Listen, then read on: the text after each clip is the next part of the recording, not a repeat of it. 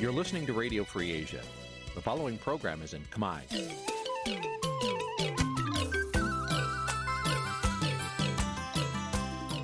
Nǐ ជាកម្មវិធីផ្សាយ Vuthu Azizi Serai នេះជាកម្មវិធីផ្សាយរបស់ Vuthu Azizi Serai ជាភាសាខ្មែរ Vuthu Azizi Serai សូមស្វាគមន៍លោកអ្នកនាងទាំងអស់ពីរដ្ឋធានី Washington នៃសហរដ្ឋអាមេរិក។ ពីរដ្ឋធានី Washington ខ្ញុំបាទមុងណារ៉េតសូមជម្រាបសួរលោកនាងកញ្ញាអ្នកស្ដាប់វិទ្យុអាស៊ីសេរីទាំងអស់ជាទីមេត្រីយើងខ្ញុំសូមជូនកម្មវិធីផ្សាយសម្រាប់ព្រឹកថ្ងៃអង្គារ6កើតខែផល្គុនឆ្នាំឆ្លូវត្រីស័កពុទ្ធសករាជ2565ដែលត្រូវនៅថ្ងៃទី8ខែមីនាគ្រិស្តសករាជ2022បច្ចុប្បន្ននេះសូមអញ្ជើញលោកនាងកញ្ញាស្ដាប់ព័ត៌មានប្រចាំថ្ងៃដែលមានមេត្តាដូចតទៅ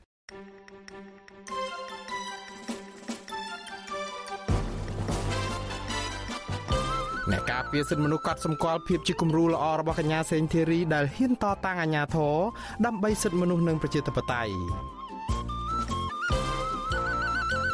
ប្រសង់ខ្មែរនៅឯនាយសមុទ្រថាការយករូបទង់ជាតិខ្មែរដាក់ស្បែកជើងឬខោក្នុង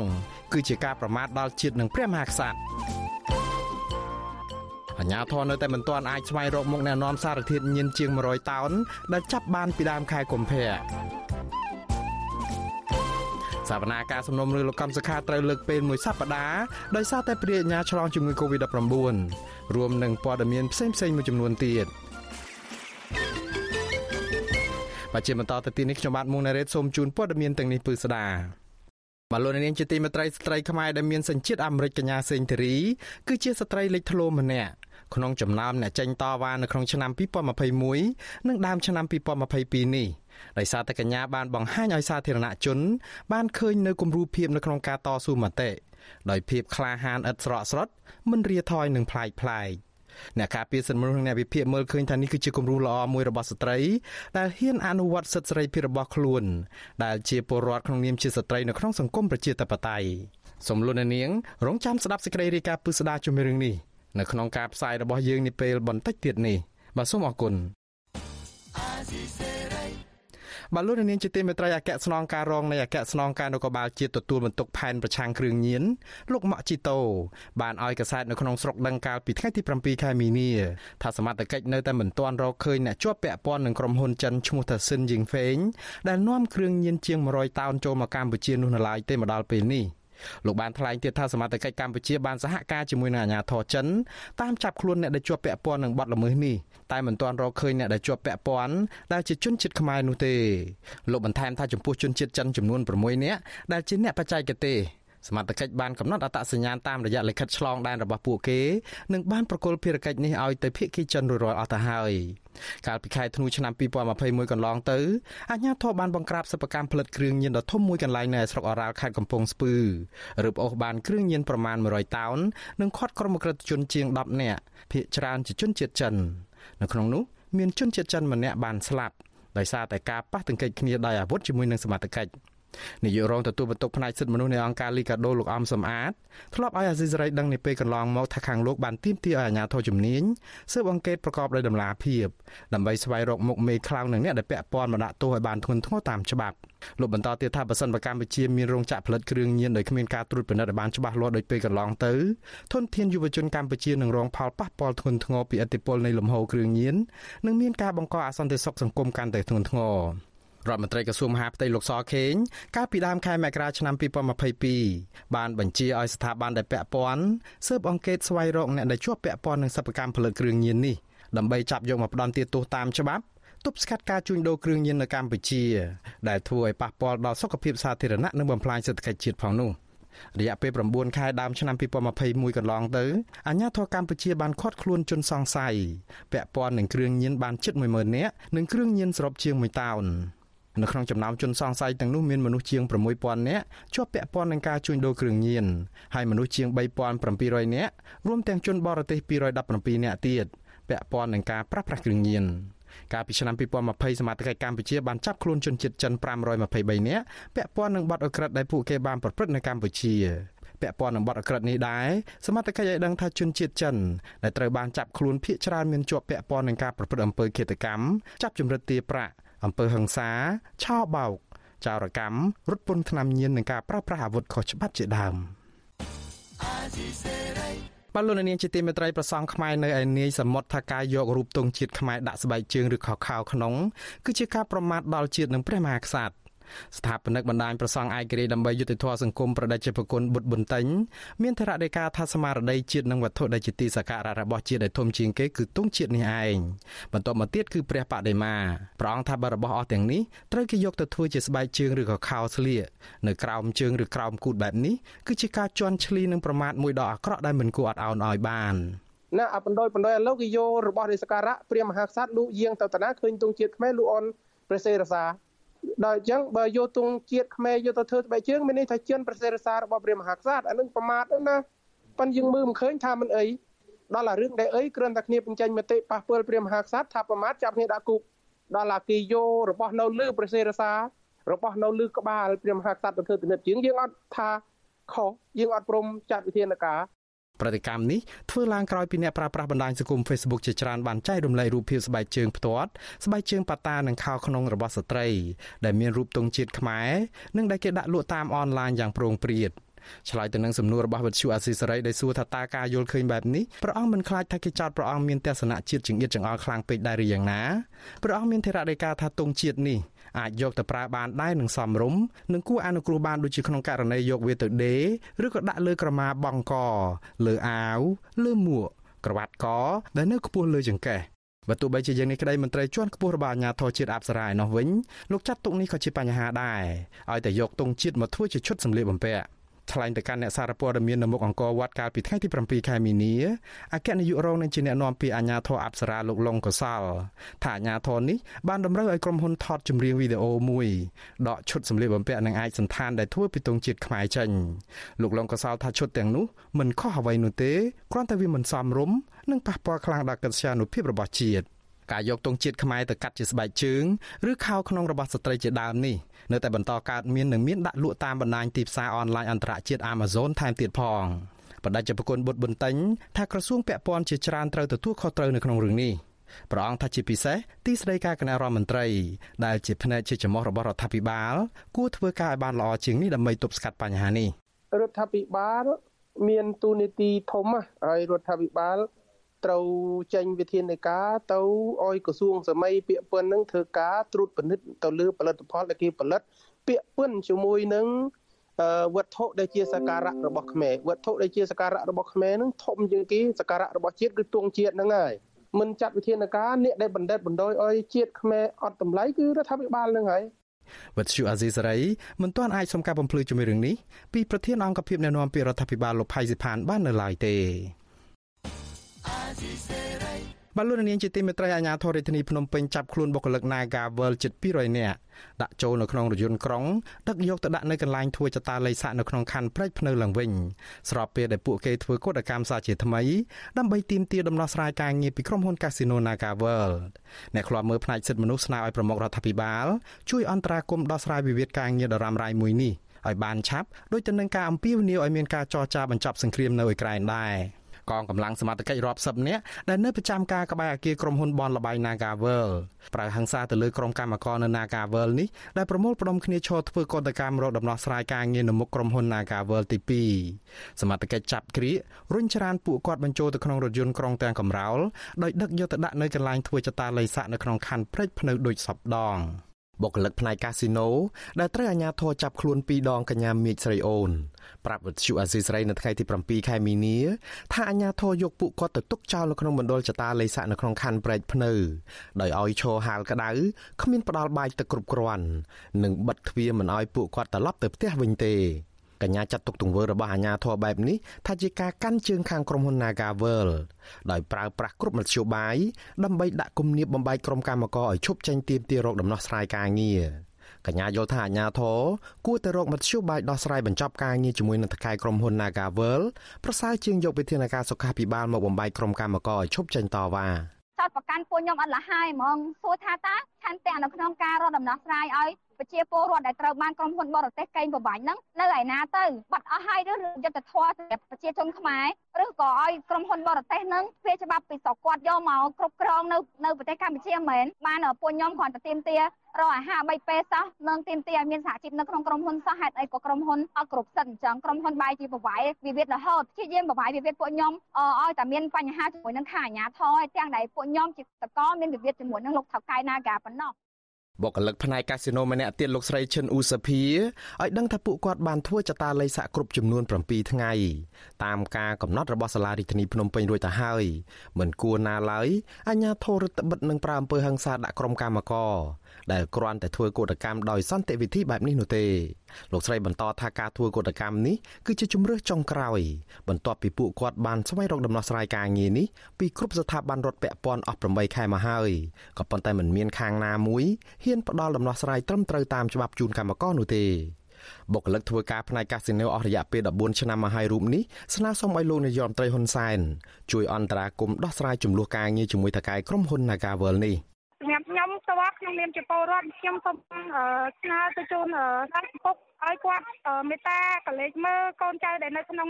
ការនៅក្នុងក្រុមហ៊ុន Gavel ពួកពួកយើងគាត់ត្រូវការឲ្យមានស្ថិរភាពនៅកន្លែងធ្វើការមានវត្តវត្តមានសហជីពនៅក្នុងកន្លែងធ្វើការអញ្ចឹងសូមឲ្យសម្ដេចពុកជួយសម្រួលទៅដល់ខាងក្រសួងទាំងស្រុងឲ្យគាត់ឈរនៅចំណុចកណ្ដាលដើម្បីជំរុញឲ្យតកែ Naga ចេញមកដោះស្រាយជាមួយបុគ្គលិកខ្លួនដើម្បីបញ្ចប់វិវាទនេះបង វត្តជូអាស៊ីសេរីមិនអាចសុំការបំភ្លឺរឿងនេះពីអ្នកនាំពាក្យសាលារដ្ឋាភិបាលភ្នំពេញលោកមេតមាសភក្តីនិងអ្នកនាំពាក្យក្រសួងការងារលោកហេងសួរបានដល់ឡាយទេនៅថ្ងៃទី7ខែមីនាដោយសារតែហៅទូរស័ព្ទចូលតែពុំមានអ្នកទទួលតកតងទៅនឹងរឿងនេះប្រធានសមាគមការពារសិទ្ធិមនុស្សអាត់ហុកលោកនីសុខា មានប្រសាសន៍ថាការចាប់ខ្លួនក្រុមកម្មករ Nagavel ឲ្យផុតពីបរិវេណក្រុមហ៊ុន ដើម្បីកុំឲ្យមានការតវ៉ាពីមួយពេលទៅមួយពេលបែបនេះគឺមិនមែនជាដំណោះស្រាយអាចបញ្ចប់វិវាទការងារមួយនេះបាននោះទេលោកបន្តថាអាជ្ញាធរគួរតែដោះលែងតំណាងសហជីពនិងកម្មករទាំង11នាក់ឲ្យមានសេរីភាពឡើងវិញហើយឲ្យពួកគេចូលរួមតុចរចាដោះស្រាយជាមួយនឹងក្រុមហ៊ុនដោយភាពស្មោះត្រង់និងតាមច្បាប់ស្តីពីការងារទើបវិវាទនេះ អាចបញ្ចប់ទៅបាន ហើយការចេញតវ៉ានៅខាងមុខក្រុមហ៊ុនក៏មិនមានដែរលោកយល់ថារដ្ឋាភិបាលគួរជួយធ្វើអន្តរាគមន៍ដោះស្រាយបញ្ចប់វិវាទការងារនៅក្រុមហ៊ុន Nagavel ឲ្យបានឆាប់ដូចទៅនឹងអ្វីដែលរដ្ឋាភិបាលបានអំពាវនាវឲ្យមានកិច្ចចរចាបញ្ចប់សង្គ្រាមនៅប្រទេសអ៊ុយក្រែនដែរ បើប្រៀបធៀបពីរឿងហ្នឹងវាជារឿងទូចទេបើប្រៀបធៀបជាមួយនឹងចំនួនរវាងរុស្ស៊ីនិងអ៊ុយក្រែនដូច្នេះខ្ញុំគិតថារដ្ឋាភិបាលមិនមែនអត់សមត្ថភាពអូទៅដល់គ្រាន់តែថាដោះស្រាយរឿង Naga World ប៉ុណ្ណឹងមួយអត់បានទេប៉ុន្តែខ្ញុំគិតថាអានេះវាកើតចេញពីឆន្ទៈតើរដ្ឋាភិបាលលោកចង់ដោះស្រាយបញ្ហានឹងបញ្ចប់បញ្ហានឹងដោយរបៀបណាហ្នឹងដែលជាឆន្ទៈរបស់រដ្ឋាភិបាលដែលដែលត្រូវប្រកាន់អេរយាប័តក្នុងការថ្មិចឲ្យកម្មករយុកម្មករឬក៏កោតក្រនឹងគាត់បានទទួលបាននៅយុទ្ធធម៌បាទក្រុមកម្មករ Nagawal បានចាប់ផ្ដើមកោតកម្មអហិង្សាកាលពីថ្ងៃទី18ខែធ្នូឆ្នាំ2021ទាមទារឲ្យក្រុមហ៊ុនទទួលយកកម្មករជាង300នាក់ឲ្យចូលធ្វើការវិញ ក៏ប៉ុន្តែមកដល់ពេលនេះមានថ្នាក់ដឹកនាំនិងសមាជិកសហជីពចំនួន11នាក់ហើយដែលចូលរួមតវ៉ានេះកំពុងតែជាប់ឃុំនៅឯពន្ធនាគារព្រៃសរដោយតឡាការចោទប្រកាន់ពួកគាត់ពីបទញុះញង់បង្កឲ្យមានភាពវឹកវរធ្ងន់ធ្ងរដល់សន្តិសុខសង្គមពាក់ព័ន្ធនឹងសកម្មភាពធ្វើកតកម្មក្បែរក្រុមហ៊ុននិងបំពេញវិធានការទប់ស្កាត់ការឆ្លងរីករាលដាលនៃជំងឺ Covid-19 កាលពីថ្ងៃសុក្រទី4ខែមីនាគឧតកោ2អ្នកផ្សេងទៀត ត្រូវបានតឡាការដាក់ឲ្យស្ថិតក្រោមការឃ្លាំមើលពាក់ព័ន្ធនឹងការចោទប្រកាន់ថាបានរារាំងគឧតកោទាំងអស់មិនឲ្យធ្វើសំណាក់រោគជំងឺ Covid-19 កម្មករ Naga World ប្រកាន់ជំហរថាពួកគេនឹងចេញធ្វើកោតកម្មនៅមុខក្រុមហ៊ុននេះរហូតដល់មានដំណោះស្រាយការងារនៅក្នុងនោះមានការដោះលែងអ្នកជាប់ឃុំទាំង11នាក់ឲ្យមានសេរីភាពឡើងវិញហើយក្រុមហ៊ុនត្រូវតែទទួលយកកម្មករជាង300នាក់និងទទួលស្គាល់វត្តមានសហជីពនៅកន្លែងធ្វើការឡើងវិញទើបពួកគាត់បញ្ឈប់សកម្មភាពតវ៉ានេះ។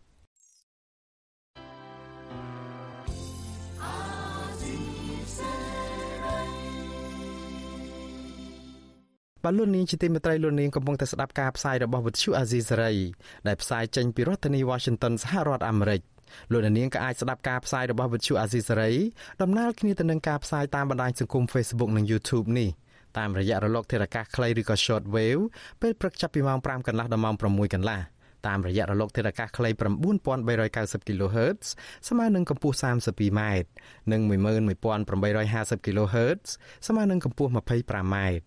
ពេលយប់ចាប់ពីម៉ោង7កន្លះដល់ម៉ោង8កន្លះតាមរយៈរលកធារកាសខ្លី9390 kHz ស្មើនឹងកម្ពស់ 32m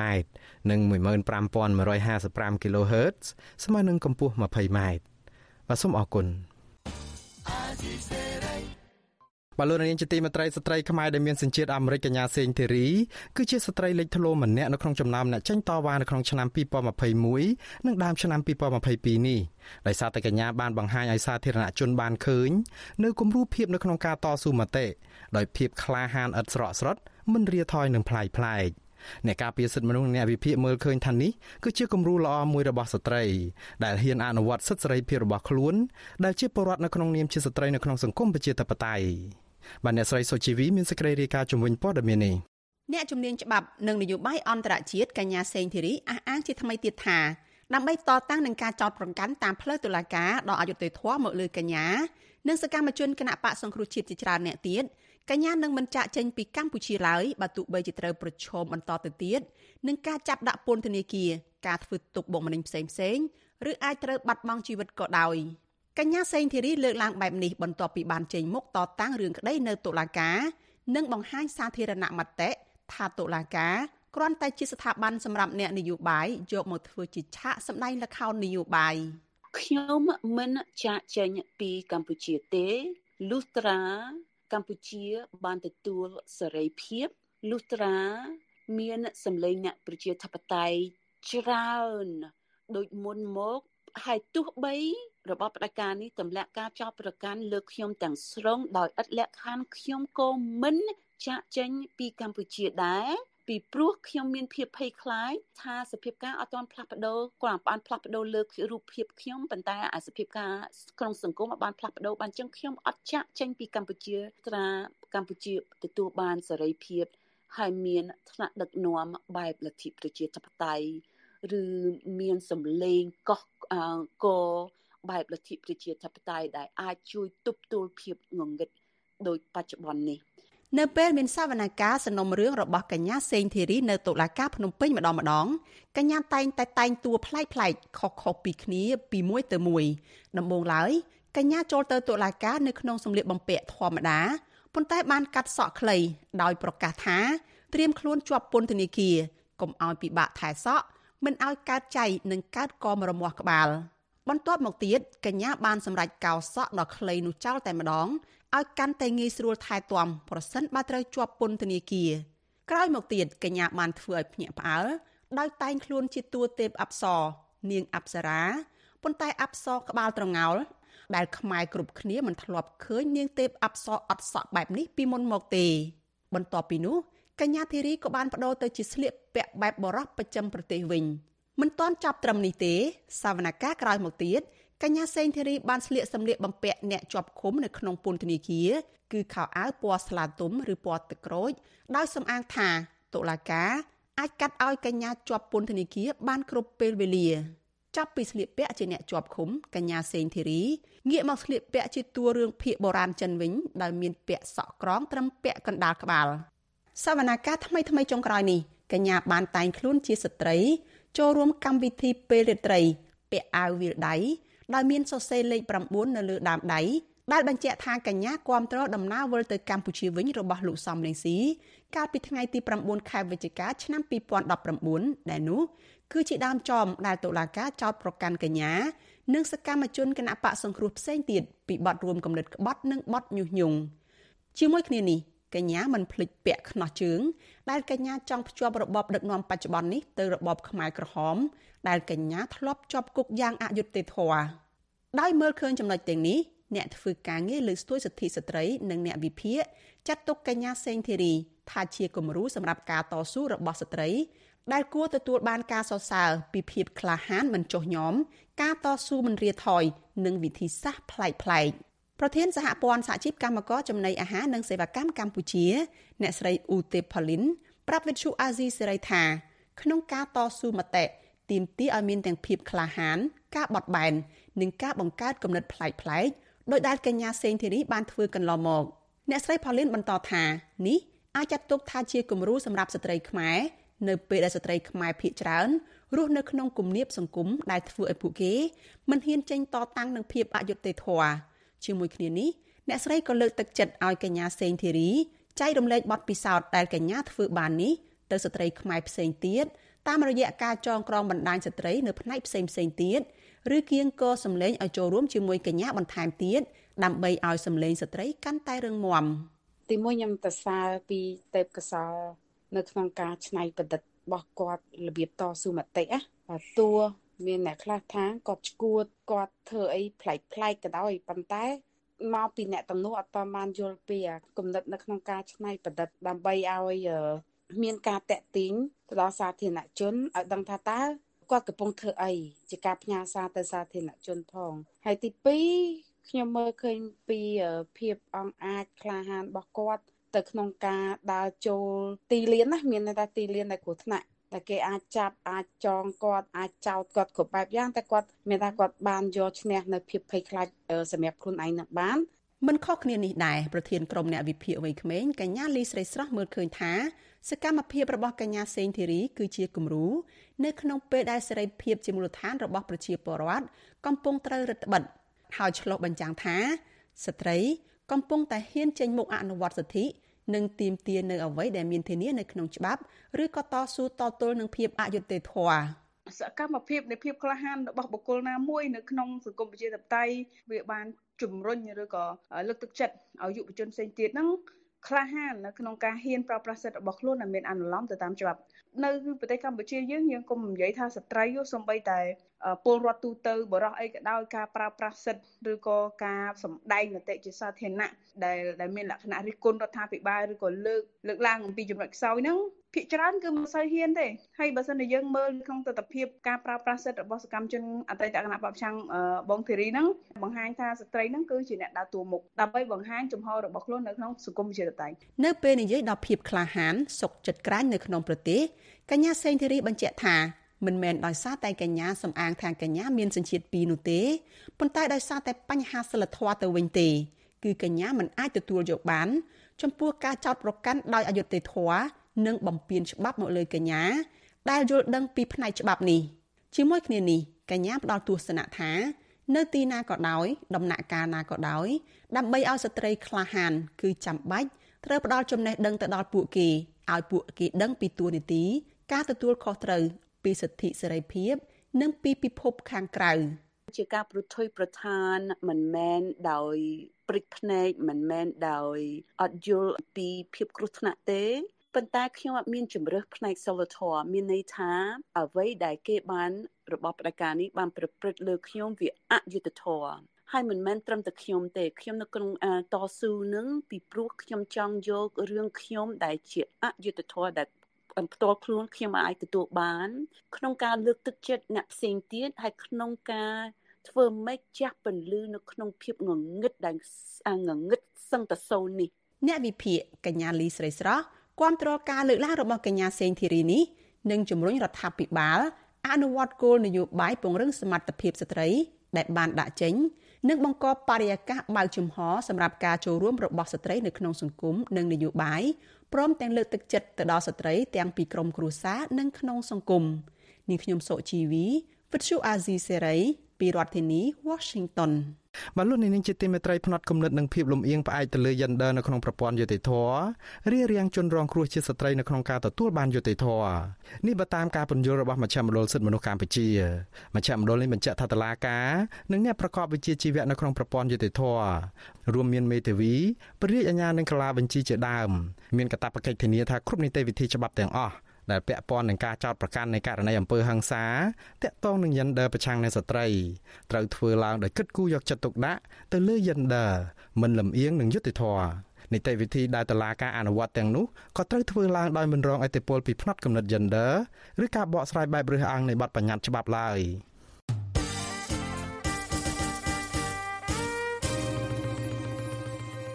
បាទលោកនាងជាទីមេត្រីលោកនាយរដ្ឋមន្ត្រីហ៊ុនសែននៅតែបន្តលើកឡើងថាមានតែសន្តិភាពទេ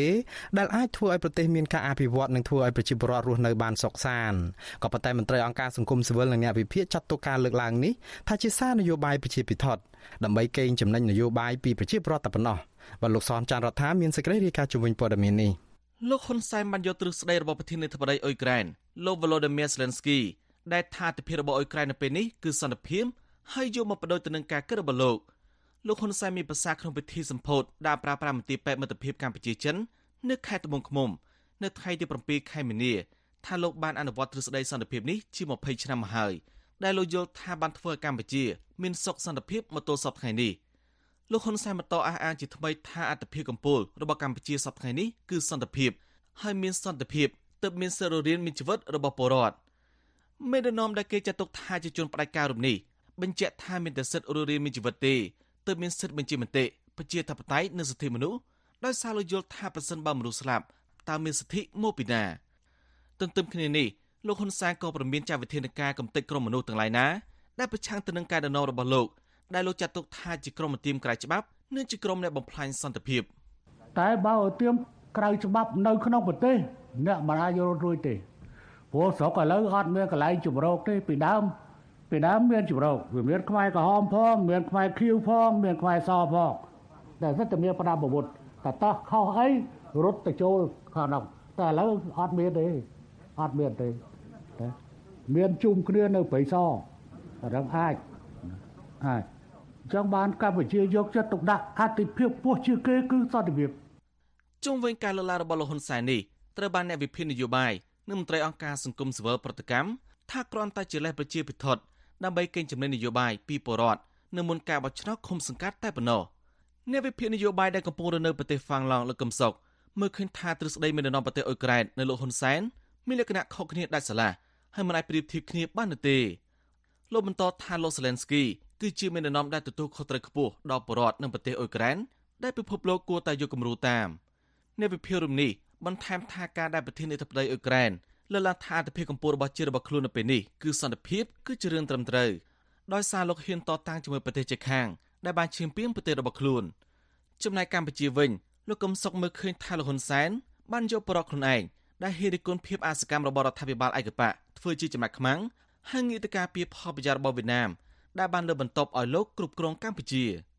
ពីព្រោះប្រទេសសន្តិភាព គេត្រូវដោះស្រាយគ្នាដោយសន្តិវិធី ស្របតាមគោលការណ៍ច្បាប់យុត្តិធម៌ទី2គឺជាតិនឹងហ៊ានអនុវត្តការពារខ្លួន ជាពិសេសអធិបតេយ្យជាតិខ្លួនក៏ប៉ុន្តែលោកហ៊ុនសែនបែរជាបណ្ដោយឲ្យវៀតណាមអនុវត្តរណសេរីឈ្លានពានហើយជួយប្រតិបត្តិរណសេរីឈ្លានពានរបស់វៀតណាមតទៅទៀតដោយវៀតណាមមានមហាចតាក្នុងការលេបទឹកដីនៃប្រទេសកម្ពុជាហើយលោកហ៊ុនសែននិយាយការពារវៀតណាមនៅគ្រប់ដំណាក់កាលទាំងអស់ ដោយឡែកប្រធានសមាគមការពារសិទ្ធិមនុស្សអាត់ហុកលោកនីសុខាយល់ថាកម្ពុជាមិនទាន់មានសន្តិភាពពេញលេញនោះទេដោយសារបច្ចុប្បន្នរដ្ឋាភិបាលបានរំតឹងសិទ្ធិសេរីភាពការសម្ដែងមតិរបស់ប្រជាពលរដ្ឋនិងការចាប់ខ្លួនប្រជាពលរដ្ឋដែលតវ៉ាដោយសន្តិវិធីស្របតាមច្បាប់ដាក់ពន្ធនាគារជាបន្តបន្ទាប់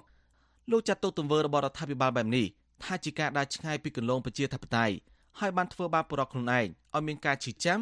ដែលជាការធ្វើឲ្យបែកបាក់សាមគ្គីជាតិ។ ពីព្រោះនឹងហើយដែលប្រវត្តិសាស្ត្រកម្ពុជាធ្លាប់មានបញ្ហានឹងច្រើនដងហើយដែលចោទថាអ្នកនេះខ្មាំងអ្នកនោះសត្រូវណាអ្នកនេះក្រុមនេះអ្នកនោះក្រុមនោះបាទលៀបពណ៌គ្នាទៅវិញទៅមកអានឹងហើយដែលបង្កឲ្យមានការឈឺចាប់អានឹងហើយដែលបង្កឲ្យមានជាសង្គ្រាមអានឹងហើយដែលបង្កឲ្យមានអំពើហិង្សាដូច្នេះហើយបានយើងអត់ចង់ឃើញទេទស្សនវិជ្ជាបែបហ្នឹងយើងចង់ឃើញខ្មែរយើងឈរនៅលើគោលការណ៍ស្រស់ស្រួលគ្នាឈរនៅលើគោលការណ៍បង្រួបបង្រួមជាតិដើម្បីអភិវឌ្ឍប្រទេសជាតិជាមួយគ្នាគឺតាមរយៈការបោះឆ្នោតសេរីត្រឹមត្រូវយុត្តិធម៌ហ្នឹងឯងបាទអ្នកវិភាគនឹងសង្គមស៊ីវិលយល់ថាដើម្បីឲ្យប្រទេសមានសន្តិភាពពិតប្រាកដលុះត្រាតែរដ្ឋាភិបាលបើកទូលាយឲ្យប្រជាពលរដ្ឋមានសិទ្ធិសេរីភាពសម្ដែងមតិបើកឲ្យមានការប្រកួតប្រជែងការបោះឆ្នោតដោយស្មារតីគ្នាគ្រប់គណៈបកនយោបាយទាំងអស់ប្រកបដោយភាពសុក្រិតនិងយុត្តិធម៌តាមគោលការណ៍ប្រជាធិបតេយ្យសេរីជាពិសេសលោកហ៊ុនសែនត្រូវហ៊ានឈរដល់រងមមការពីអធិបតេយ្យជាតិរបស់ខ្លួនពីការឈ្លានពានគ្រប់ទម្រង់ពីប្រទេសជិតខាងខ្ញុំសនចាររថាវិទ្យុអេស៊ីសេរី រាយការណ៍ពីរដ្ឋធានីវ៉ាស៊ីនតោនបាទលោកអ្នកស្ដាប់ជាទីមេត្រីសហមេធាវីការពីក្តីរបស់ប្រធានគណៈបកសង្គ្រោះជាតិលោកកឹមសុខាបារម្ភអំពីការបន្តអូសបន្លាយពេលវេលាសវនាការកាន់តែយូរក្រោយតឡាការបានលើកពេលសវនាការជាថ្មីដោយសារតែតំណាងអាយកាម្នាក់នៅក្នុងសំណុំរឿងនេះឆ្លងជំងឺ Covid-19 សហមេធាវីម្នាក់នៅក្នុងចំណោមក្រុមមេធាវី4រូបរបស់លោកកឹមសុខាគឺអ្នកស្រីមេងសុភារីប្រាប់វិទ្យុអាស៊ីសេរីកាលពីថ្ងៃទី7ខែមីនាថាសវនាការលើរឿងក្តីលោកកឹមសុខានៅពេលនេះ គឺបើកធ្វើតែមួយសប្តាហ៍តែម្ដងតែប៉ុណ្ណោះហើយធ្វើតែមួយព្រឹកទៅទៀត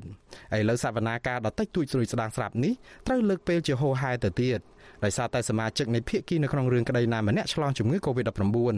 អ្នកស្រីថាការរំពឹងចង់ឃើញដំណើរការនីតិវិធីតុលាការប្រព្រឹត្តទៅលឿនតែបែរជាយឺតទៅវិញដោយសារតែរឿងនេះ ជាសំណូមពរអ្នកស្រីថានៅក្នុងករណីដែលសមាជិកណាម្នាក់នៃភាគីនៅក្នុងរឿងក្តីឆ្លងជំងឺ Covid-19 តឡាការគួរតែលៃលោករកមធ្យោបាយឲ្យមានអ្នកជំនួសនៅក្នុងករណីបែបនេះដើម្បីកុំឲ្យរាំងស្ទះដល់នីតិវិធីខ្ញុំគិតថាតឡាការគួរតែអាចធ្វើការចាត់តាំងតំណាងអัยការផ្សេងដើម្បីធ្វើការជំនួសអัยការដែលមានបញ្ហាចាព្រោះ អัยការមិនចាំបាច់មានច្រើនគ្នាទេអัยការមានតែម្នាក់គឺដំណើរការនីតិវិធីបានហើយចាសវនាការលើសំណុំរឿងលោកកម្មសខាត្រូវអខាននៅសប្តាហ៍នេះដែលត្រូវលើកពេលទៅថ្ងៃទី16ខែមីនានៅសប្តាហ៍ក្រោយវិញដោយសារតែតំណាងអាយកាលោកប្លង់សុផលឆ្លងជំងឺ Covid-19 កាលពីថ្ងៃទី4ខែមីនា សេចក្តីជូនដំណឹងរបស់សាលាដំបងក្រុងភ្នំពេញកាលពីថ្ងៃទី7ខែមីនាថាការលើកពេលនេះគឺធ្វើឡើងដើម្បីការពារនិងទប់ស្កាត់ការឆ្លងរីករាលដាលនៃជំងឺ Covid-19 សេចក្តីជូនដំណឹងដដែលបញ្ជាក់ថាតំណាងអាយកាចំនួន2រូបទៀតគឺលោកឆាយហុងនិងលោកស្រីសុងឆវ័នដែលជាតំណាងអាយកានៅក្នុងសំណុំរឿងលោកកឹមសុខានេះដែរជាអ្នកប៉ះពាល់ផ្ទាល់ជាមួយលោកប្លង់សផល កាលពីដើមខែកុម្ភៈតឡាការបានលើកពេលសវនាការនេះម្ដងដែរដោយសារតែកាលនោះសមាជិកម្នាក់នៅក្នុងក្រុមមេធាវីរបស់រដ្ឋាភិបាលបានឆ្លងជំងឺ Covid-19 កន្លងមកតឡាការបានផ្អាកដំណើរការក្តីនេះជាង1ឆ្នាំដោយសារតែមូលហេតុនៃការឆ្លងរីករាលដាលនៃជំងឺ Covid-19 នៅក្នុងសហគមន៍សំណុំរឿងលោកកម្មសខាដែលរងការចោទប្រកាន់ថាក្បត់ជាតិដែលត្រូវរើគ្នាជាមួយនឹងរដ្ឋបរទេសដើម្បីផ្ដួលរំលំរដ្ឋាភិបាលនេះរងការរិះគន់ថាជាសំណុំរឿងនយោបាយនិងបានបន្តអូសបន្លាយពេលជាង4ឆ្នាំមកហើយ លោកនាយករដ្ឋមន្ត្រីហ៊ុនសែនធ្លាប់អាកាត់ជំនួសតុលាការថារឿងក្តីនេះទាល់តែឆ្នាំ2024ទើបចប់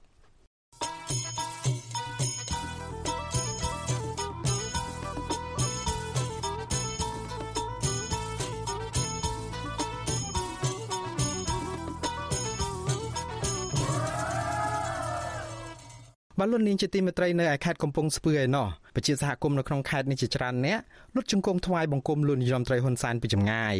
ដើម្បីអង្វរឲ្យប្រមុខដឹកនាំរដ្ឋរូបនេះមេត្តារក្សាព្រៃសហគមន៍របស់ពួកគាត់ឲ្យគង់វង្សដើម្បីអភិរក្សព្រៃឈើសត្វព្រៃនិងជាកន្លែងអ្នករក្សាសិលស្នាក់អាស្រ័យការលើកឡើងនេះធ្វើឡើងក្រោយពីប្រជាសហគមន៍ជិត100នាក់បានចុះពិនិត្យព្រៃសហគមន៍ម្ដំស្រែខ្ពស់កាលពីថ្ងៃទី5ខែមីនាតែត្រូវមន្ត្រីយោធាមួយក្រុម ប្រើហិង្សាបណ្ដាលឲ្យរងរបួសលើប្រជាពលរដ្ឋ4នាក់បាទលោកមានរិទ្ធមានសេចក្តីរាយការណ៍ជំវិញព័ត៌មាននេះក្រមពលរដ្ឋទាំងនោះរស់នៅឃុំតាពាំងជោស្រុកអរ៉ាល់បានស្រែកទ្រហោយំកាន់រូបថតលោកនាយរដ្ឋមន្ត្រីហ៊ុនសែននិងអ្នកស្រីប៊ុនរ៉ានី ដើម្បីបង្ហាញពីទុកព្រួយរបស់ពួកគាត់ទាក់ទងទៅនឹងករណីប្រិយសហគមន៍ឧត្តមស្រែខ្ពស់ដែលកំពុងទទួលរងនឹងការកាប់បំផ្លាញទ្រង់ទ្រាយធំពីសំណាក់មន្ត្រីយោធាង70 ក្រោមហេតុផលនៃការផ្ដោតដីសម្បត្តិសង្គមគិច្ចប៉ះចំព្រៃស្រោងដែលពួកគាត់ខិតខំថែទាំអស់រយៈពេលជិត20ឆ្នាំមកហើយតំណាងពលរដ្ឋម្នាក់គឺលោកស្រីខុនខនប្រាវិសុយស៊ីស្រីនៅថ្ងៃទី7ខែមីនាថា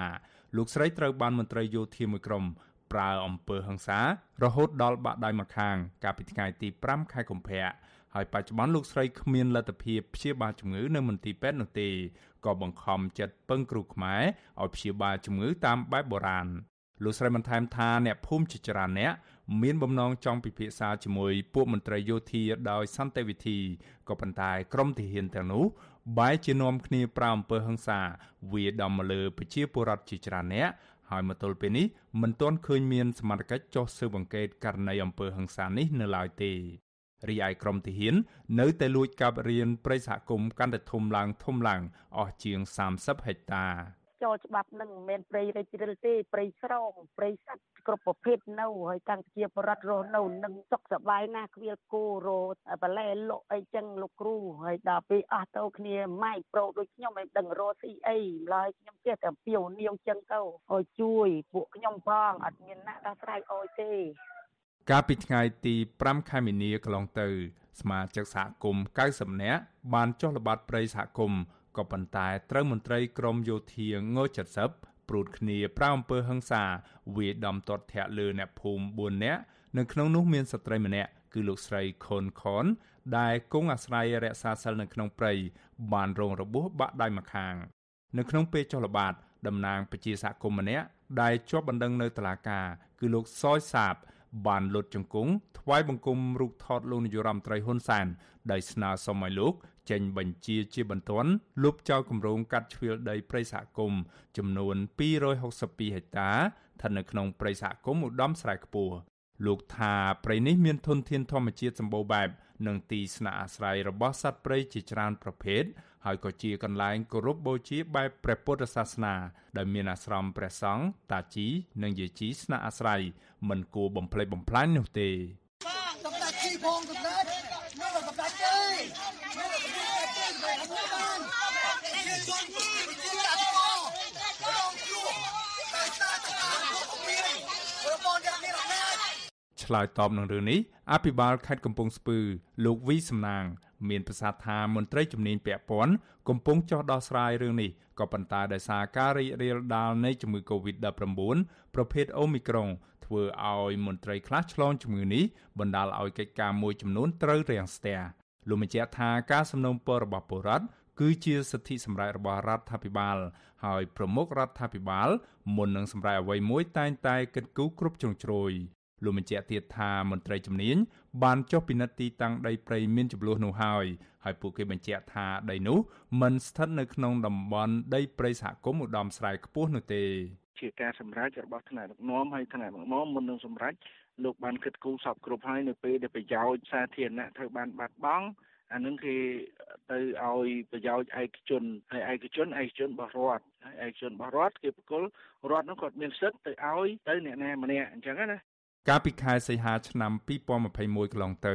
រដ្ឋាភិបាលបានចេញអនុក្រឹត្យជ្រៀលដីព្រៃសហគមន៍ឧត្តមស្រែខ្ពស់មានទំហំជាង200ហិកតា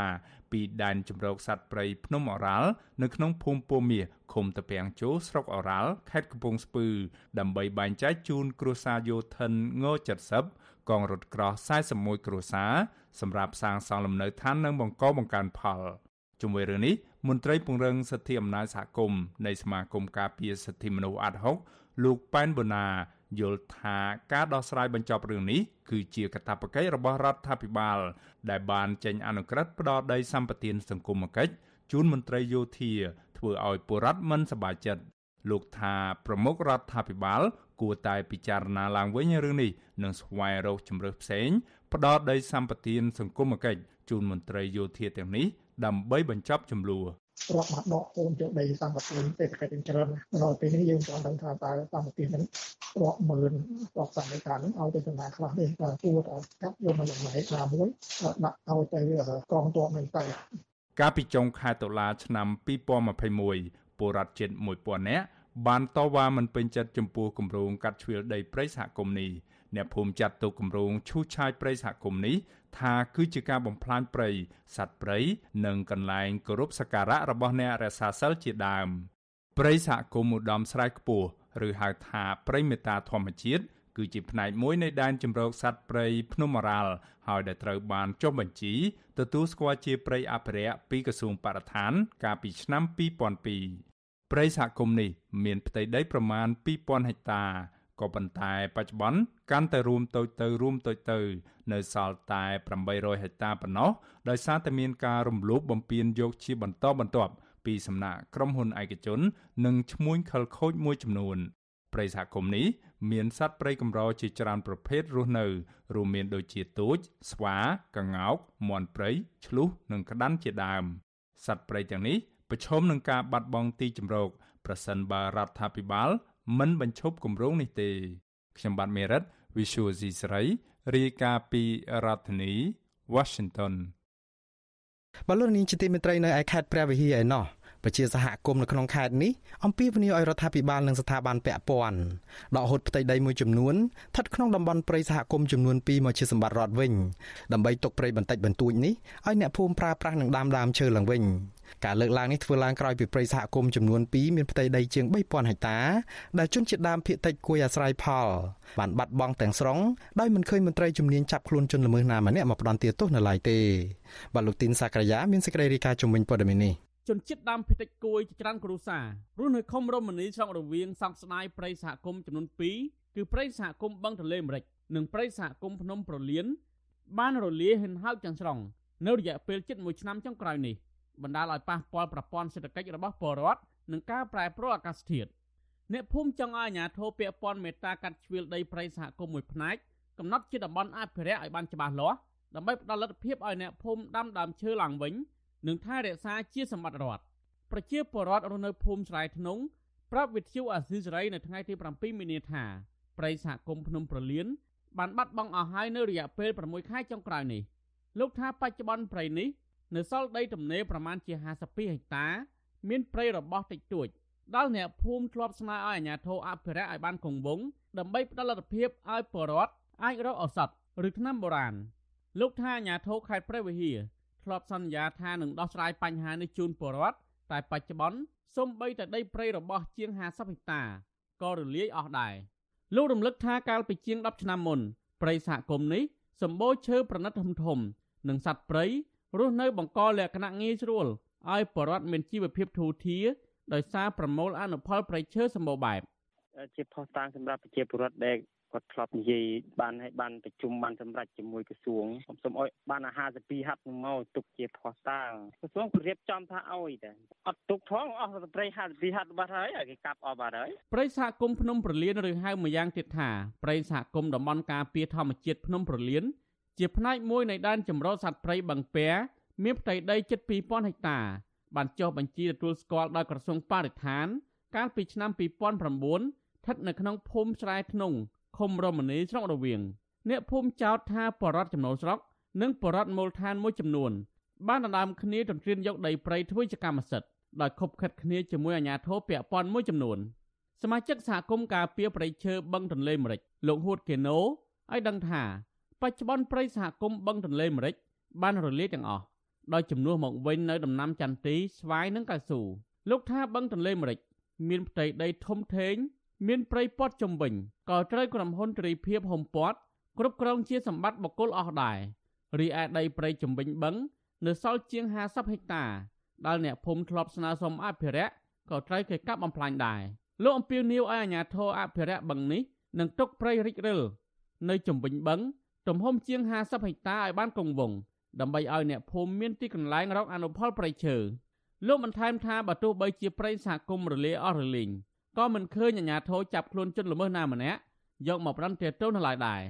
រីឯបរិវត្តជាង10នាក់ដែលលះបង់ការពារសម្បត្តិភោគផលធម្មជាតិបែរជាត្រូវប្រឈមនឹងការគំរាមកំហែងនិងជាប់បណ្ដឹងនៅតុលាការជាច្រើនករណីទៅវិញរហូតមកទល់ពេលនេះ ទុកមាត់បឹងទៅគ្រាន់តែខ្វៀលគោខ្វៀលក្បីសម្រាប់យើងឲ្យគោឲ្យក្បីទៅទីតាមមាត់បឹងហ្នឹងវា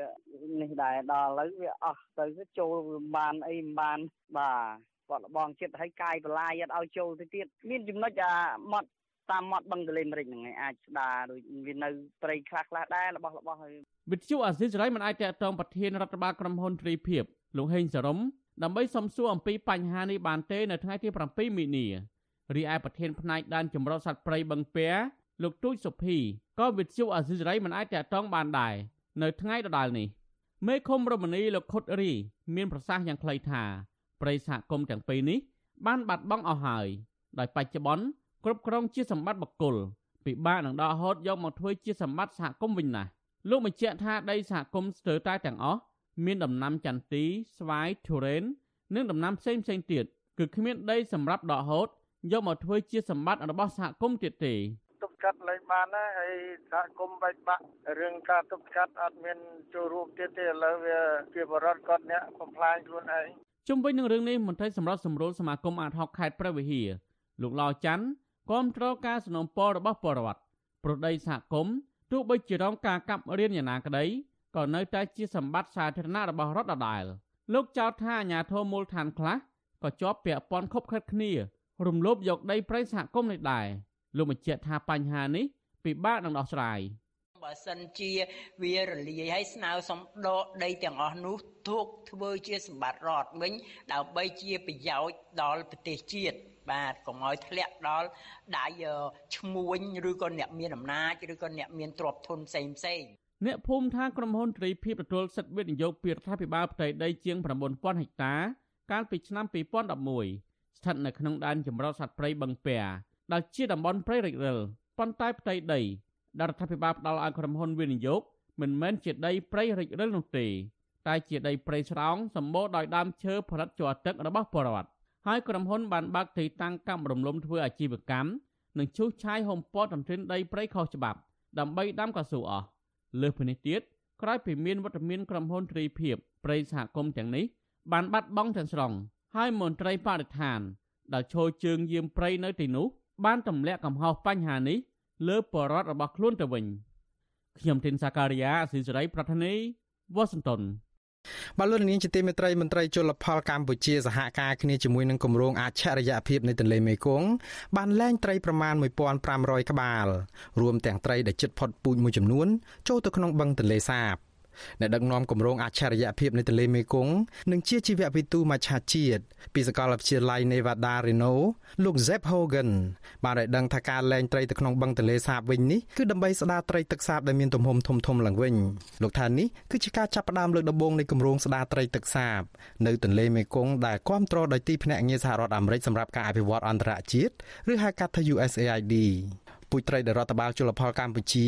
និងគម្រោងអច្ឆរិយភាពនៃទន្លេមេគង្គបានលែងកាលពីពេលថ្មីៗនេះរួមមានត្រីរាជត្រីកុលរាំងនិងត្រីប្រាធំជាដើម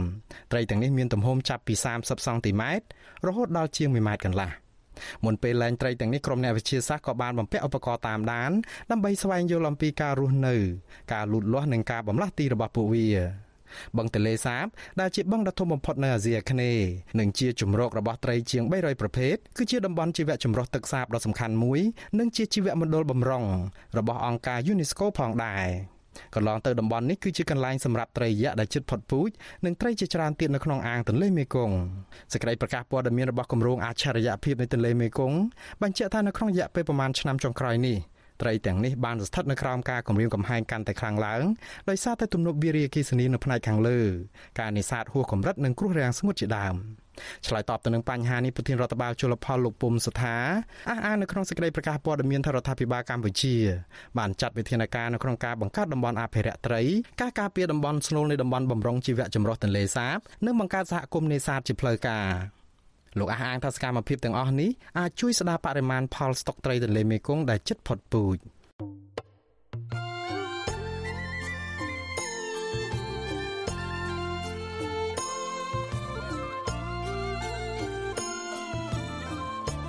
បាទលោកនាងជាទីមេត្រីលោកនាងកំពុងតែស្ដាប់ការផ្សាយរបស់វិទ្យុអាស៊ីសេរីផ្សាយចេញពីរដ្ឋធានី Washington សហរដ្ឋអាមេរិកនៅក្នុងឱកាសនេះដែរខ្ញុំបាទសូមថ្លែងអំណរគុណដល់លោកនាងកញ្ញាទាំងអស់ ដែលតែងតែមានភក្ដីភាពចំពោះការផ្សាយរបស់យើងហើយចាត់ទុកការស្ដាប់វិទ្យុអាស៊ីសេរីជាផ្នែកមួយនៃសកម្មភាពប្រចាំថ្ងៃរបស់លោកនាងការគ្រប់គ្រងរបស់លោកនាងនេះហើយដែលធ្វើឲ្យយើងខ្ញុំមានទឹកចិត្តកាន់តែខ្លាំងក្លាថែមទៀតនៅក្នុងការស្វែងរកនិងផ្តល់ព័ត៌មានជូនលោកនាងមានអ្នកស្ដាប់និងអ្នកទស្សនាកាន់តែច្រើនកាន់តែធ្វើឲ្យយើងខ្ញុំមានភាពស្វាហាប់និងមោះមុតជាបន្តទៅទៀតយើងខ្ញុំសូមអរគុណទុកជាមុនហើយក៏សូមអញ្ជើញលោកនាងកញ្ញាចូលរួមជំរុញឲ្យសកម្មភាពផ្តល់ព័ត៌មានរបស់យើងនេះ កាន់តែជោគជ័យបន្ថែមទៀត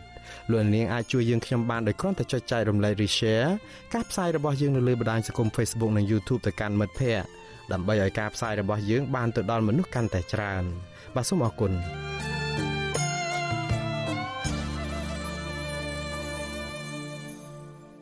បលុននាងជាទីមេត្រីងាកមកព័ត៌មានអំពីខ្មែរកម្ពុជាក្រោមឯណោះវិញគណៈបកប្រឆាំងនឹងសហព័ន្ធខ្មែរកម្ពុជាក្រោមរិះគន់លោកនាយរដ្ឋមន្ត្រីហ៊ុនសែនដែលប្រកាសឲ្យក្តារមឈូសដល់អ្នកណាដែលហ៊ានចេញមុខតវ៉ាទាមទារទឹកដីខ្មែរកម្ពុជាក្រោមពីប្រទេសវៀតណាមវិញនោះការប្រមានពលរដ្ឋខ្មែរកុំឲ្យទាមទារទឹកដីខ្មែរកម្ពុជាក្រោមវិញនេះធ្វើឡើងស្របពេលដែលសហគមន៍ខ្មែរកម្ពុជាក្រោមនៅលើឆាកអន្តរជាតិកំពុងតែធ្វើយុទ្ធនាការតស៊ូមតិដោយអហិង្សាទាមទារសិទ្ធិស្វ័យសម្រេចដោយខ្លួនឯងនៅលើទឹកដីកំណើត។ ពីរដ្ឋធានី Washington លោកយុនសមៀនមានសេចក្តីរាយការណ៍ជំវិញព័ត៌មាននេះគណៈបកប្រឆាំងនិងសហព័ន្ធខ្មែរកម្ពុជាក្រោមចាត់ទុកសារលោកនាយករដ្ឋមន្ត្រីហ៊ុនសែនថាជាការមិនស្នេហាជាតិមិនអោយតម្លៃដល់អ្នកជាតិនិយមនិងបំភ្លេចពលរដ្ឋខ្លួនឯងចោលលោកនាយករដ្ឋមន្ត្រីហ៊ុនសែនកាលពីសប្តាហ៍មុនប្រកាសជាថ្មីទៀតថាបើអ្នកណាចង់បានទឹកដីខ្មែរក្រោមមកវិញលោកនឹងផ្ដល់ក្តារមឈូសឲ្យដោយឥតគិតថ្លៃនិងជួយកប់សព ទៅវាយយកខ្លួនឯងទៅទៅវាយខ្លួនឯងទៅប៊ីសថែមមកបន្តទៀតថាទៅវាយខ្លួនឯងទៅខ្ញុំជួយធ្វើក្តារមជូរនឹងកប់ខ្មោចឲ្យកម្ពុជាក្រោមបាត់តាំងពីខ្ញុំមិនតាន់កើតអាពុកខ្ញុំមិនតាន់កើតរឿងអីមកឲ្យខ្ញុំទៅយកណានាបកែសូមអញ្ជើញទៅ ហើយខ្ញុំជួយក្នុងការធ្វើក្តារមជូរនិងជួយកប់ខ្មោចឲ្យ លោកហ៊ុនសែនថ្លែងដូច្នេះដោយសារតែលោកខឹងនឹងអ្នកទៅចូលខមមិនក្នុងទំព័រ Facebook លោកដោយស្នើឲ្យលោកលើកទ័ពទៅទាមទារទឹកដីខ្មែរក្រោមពីវៀតណាមមកវិញលោកហ៊ុនសែនបន្តថាកាលពីឆ្នាំ1995និង1996ក៏មានអ្នកមានទស្សនៈចង់ទាមទារទឹកដីខ្មែរក្រោមមកវិញដែរហើយពេលនោះលោកក៏ប្រកាសផ្ដល់ក្តារមឈូសឲ្យដែរលោកថារឿងបាត់បង់ទឹកដីខ្មែរក្រោមមិនមែនជាការទទួលខុសត្រូវរបស់លោកនោះទេ រឿងអតីតកាលវាបានកន្លងផុតមកនឹកផុតទៅណានោះពិភពលោកគេគូផែនទីសូម្បីតែអីនៅលើយន្តហោះដែលគេដាក់ថាគេដាក់ផែនទីឲ្យយើងមើលថាហោះដល់កន្លែងណាឯកន្លែងណាព្រមតែយើងនៅតែប៉ុណ្ណោះថ្ងៃនឹងតាមានទៅនៅវៀតណាមមានទៅនៅថៃថៃប្រហែល10ខេត្តនៅថៃនោះនៅវៀតណាមនៅទៀតមានទៅផុតពីផែនទីទៅឯណា ជុំវិញការលើកឡើងរបស់លោកហ៊ុនសែននេះមន្ត្រីជាន់ខ្ពស់គណៈបកសង្គ្រោះជាតិទទួលបន្ទុកកិច្ចការព្រំដែនលោកអ៊ុំសំអានថ្លែងថា សាររបស់លោកហ៊ុនសែនបង្ហាញថាលោកជាមេដឹកនាំគ្មានការទទួលខុសត្រូវលោកថាលោកហ៊ុនសែនដែលវៀតណាមលើកបន្ទប់ឲ្យឡើងកាន់អំណាចនោះ បានជំពាក់គុណវៀតណាមដូច្នេះលោកមិនហ៊ានធ្វើអ្វីប៉ះពាល់ដល់ប្រយោជន៍វៀតណាមឡើយក្នុងនាមជាមេដឹកនាំប្រទេសគាត់មិនគួរបំបាក់ទឹកចិត្តទៅដល់ អ្នកស្នេហាជាតិយុវជនឬក៏ប្រជាពលរដ្ឋខ្មែរដែលចង់ទៀមទាទឹកដីកម្ពុជាក្រមមកវិញនោះទេគាត់គួរតែលើកទឹកចិត្តមិនគួរនិយាយថាគាត់នឹងផ្ដល់ក្រាមឈូសទៅឲ្យអ្នកដែលចង់ទៀមទាទឹកដីកម្ពុជាក្រមមកវិញនោះទេអ្នកដែលមានទស្សនៈបៀបហ្នឹងគឺអ្នកមិនមានទស្សនៈជាតិនិយមនោះទេផ្ទុយទៅវិញគឺបំរើមហិច្ឆតាឈ្លានពានបរទេសគឺបំរើមហិច្ឆតាឈ្លានពានរបស់ប្រទេសវៀតណាមមកលើកម្ពុជា លោកបន្តថាគណៈបកសង្គ្រោះជាតិគ្រប់គ្រងនិងលើកទឹកចិត្តការទៀមទាសិទ្ធិស្វ័យសម្រេចអនាគតរបស់ខ្លួនដែលកំពុងសកម្មក្នុងឆាកអន្តរជាតិនៅពេលបច្ចុប្បន្ននេះបងប្អូនខ្មែរកម្ពុជាក្រមបើសិនជាគាត់អាចទៀមទានៅសិទ្ធិសេរីភាពសិទ្ធិសាសនាសិទ្ធិស្វ័យសម្រេចក្នុងការគ្រប់គ្រងទឹកដីកម្ពុជាក្រមបានហ្នឹងយើងគ្រប់គ្រងនៅគំនិតស្នេហាជាតិ អាណានិគមនិយមបារាំងបានកាត់ទឹកដីខ្មែរក្រោមចំនួន21ខេត្តទៅឲ្យវៀតណាមទាំងខុសច្បាប់ កាលពីថ្ងៃទី4ខែមិថុនាឆ្នាំ1949ដោយគ្មានការយល់ព្រមពីកម្ពុជា នៅខែមិថុនាខាងមុខនេះខ្មែរក្រោមបានបាត់បង់ទឹកដីអស់រយៈពេល73ឆ្នាំមកហើយស្រដៀងគ្នាទៅនឹងគណៈបកសង្គ្រោះជាតិដែរអនុប្រធានគណៈបកភ្លើងទៀនលោកថៃសិដ្ឋាមានប្រសាសន៍ថាលោកសោកស្ដាយដែលលោកហ៊ុនសែនមិនបានជួយចែវទូក ប៉ុន្តែបែរជាយកជើងរៀទឹកទៅវិញក្នុងនាមថ្នាក់ដឹកនាំពេលដែលយើងបានលឺប្រជាពលរដ្ឋលោកមាន ស្មារតីឧត្តមគតិស្នេហាជាតិស្រឡាញ់ទឹកដី គឺយើងសប្បាយចិត្តណាស់យើងមិនអាចប្រើភាសាណាមួយនៅក្នុងការបន្ទិចបង្អាក់ឬក៏បំបាក់នៅស្មារតីជាតិនិយមរបស់ប្រជារាស្ត្រខ្លួនឯងទេ លោកថាសម្រាប់គណៈបកភ្លើងទៀនវិញគណៈបកនេះមានគោលនយោបាយបង្រួបបង្រួមខ្មែរនិងមិនបោះបង់ខ្មែរណាមួយចោលនោះទេទោះបីរដ្ឋាភិបាលលោកនាយករដ្ឋមន្ត្រីហ៊ុនសែនមកពីគណៈបកប្រជាជនកម្ពុជាមិនសូវយកចិត្តទុកដាក់នឹងខ្មែរក្រោមក៏ដោយប៉ុន្តែខ្មែរក្រោមនៅទូទាំងពិភពលោកនិងអ្នករស់នៅលើទឹកដីកំណើតមិនរងចាំឲ្យលោកហ៊ុនសែនជួយពួកគេទេ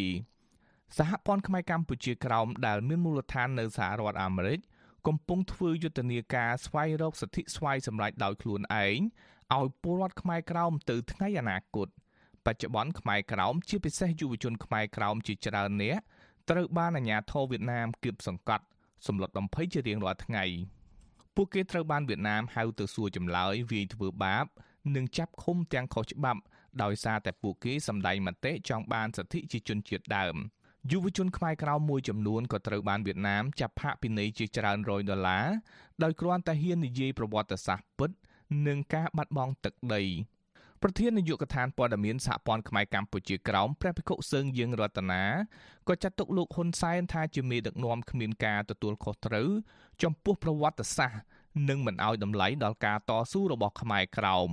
ព្រះភិក្ខុសឹងយើងរតនាបន្តទៀតថាសហព័ន្ធខ្មែរកម្ពុជាក្រោមកំពុងជ្រើសរើសយកយុទ្ធនាការអហិង្សា ដើម្បីទាមទារសិទ្ធិស្វ័យសម្រេចដោយខ្លួនឯងយើងមិនមែនថាទៅយកកម្ពុជាក្រមយកដេកម្ពុជាក្រមនោះទេបើអញ្ចឹងអ្វីដែលយើងតស៊ូសពថ្ងៃនេះគឺយើងទាមទារសិទ្ធិសេរីភាពនឹងឯងជាពិសេសខ្មែរក្រមជាម្ចាស់ស្រុកចិនជាតិដើម ទឹកដីកម្ពុជាក្រមសពថ្ងៃហ្នឹងក៏ជាចំណែកមួយនៃប្រទេសកម្ពុជាផងដែរព្រោះថាប្រទេសកម្ពុជានោះជាអ្នកបាត់បង់ទឹកដីក៏តែចំណែកពលរដ្ឋខ្មែរក្រមនៅលើទឹកដីកម្ពុជាក្រមហ្នឹងគឺពួកគាត់ទាមទារនៅសិទ្ធិសេរីភាពរបស់ខ្លួននៅក្នុងនាមខ្មែរក្រមជាម្ចាស់ស្រុកចិនជាតិព្រះភិក្ខុសឹងយើងរតនាបដិញ្ញាថាបើទោះបីជាលោកហ៊ុនសែនចេញសារគម្រាមផ្ដាល់ក្តារមឈូសដោយឥតគិតថ្លៃឲ្យអ្នកហ៊ានងើបឡើងតវ៉ាដើម្បីសិទ្ធិសេរីភាពក្តីក៏ខ្មែរក្រៅមិនបាក់ទឹកចិត្ត ហើយនឹងបន្តការទៀមទារបស់ពួកគេ រហូតបានជោគជ័យខ្ញុំយុនសាមៀនវិទ្យុអាស៊ីសេរីប្រធានាធិបតី Washington thank you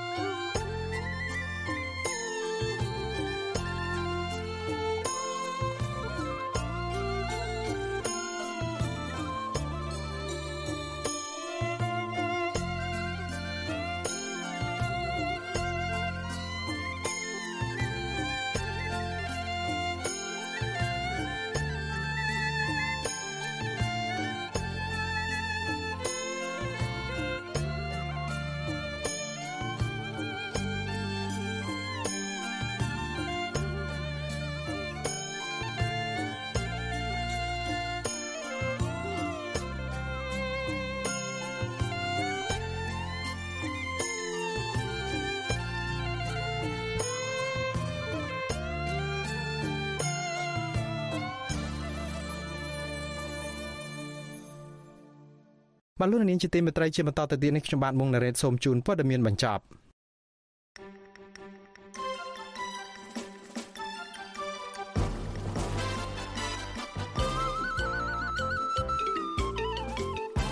ស្ត្រីខ្មែរដែលមានសញ្ជាតិអាមេរិកកញ្ញាសេងធីរីគឺជាស្ត្រីលេចធ្លោម្នាក់នៅក្នុងចំណោមអ្នកចេញតវ៉ានៅក្នុងឆ្នាំ2021និងដើមឆ្នាំ2022នេះ ដោយសារតែកញ្ញាបានបង្ហាញឲ្យសាធារណជនបានឃើញនៅគំរូភាពនៅក្នុងការតស៊ូមតិដោយភាពក្លាហានឥតស្រកស្រត់និងមិនរាថយនិងមានរូបភាពប្លែកប្លែកអ្នកការពារសិទ្ធិមនុស្សនិងអ្នកវិភាគមើលឃើញថានេះគឺជាគំរូល្អមួយរបស់ស្ត្រីដែលហ៊ានអនុវត្តសិទ្ធិសេរីភាពរបស់ខ្លួនដែលជាពលរដ្ឋនៅក្នុងនាមជាស្ត្រីនៅក្នុងសង្គមប្រជាធិបតេយ្យ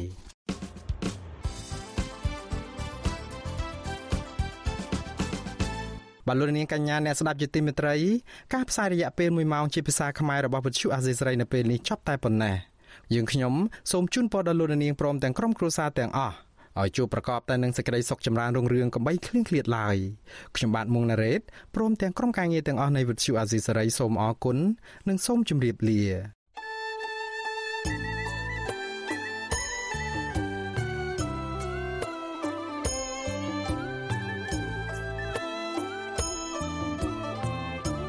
ទ្យុអាស៊ីសេរីផ្សាយតាមរលក ធាតុអាកាសខ្លីឬ short wave តាមកម្រិតនិងកម្ពស់ដូចតទៅនេះពេលព្រឹកចាប់ពីម៉ោង5កន្លះដល់ម៉ោង6កន្លះតាមរយៈរលក ធាតុអាកាសខ្លី9940 40 kHz ស្មើនឹងកម្ពស់ 30m ពេលយប់ចាប់ពីម៉ោង7កន្លះដល់ម៉ោង8កន្លះតាមរយៈរលក ធាតុអាកាសខ្លី9960 kHz ស្មើនឹងកម្ពស់ 30m និង11240 kHz ស្មើនឹងកម្ពស់ 25m លោកអ្នកនាងក៏អាចស្ដាប់ការផ្សាយផ្ទាល់តាមប្រព័ន្ធអ៊ីនធឺណិតដោយចូលទៅកាន់គេហទំព័រ www.rfa.org/ ខ្មែរក្រៅពីនេះលោកអ្នកនាងក៏អាចអាននិងទស្សនាព័ត៌មានវិទ្យុអាស៊ីសេរីលើទូរស័ព្ទដៃរបស់លោកអ្នកផ្ទាល់ សូមលោកអ្នកនាងចូលទៅកាន់បណ្ដាញសង្គម Facebook ដែលមានអាសយដ្ឋាន www.facebook.com/rfa cambodia និង YouTube www.youtube.com/rfa khmer video សូមលោកអ្នកនាងចុច like និងចុច Subscribe ដើម្បីទទួលបានព័ត៌មានថ្មីៗទាន់ហេតុការណ៍និងទស្សនាវីដេអូផ្សេងៗទៀតបានគ្រប់ពេលវេលា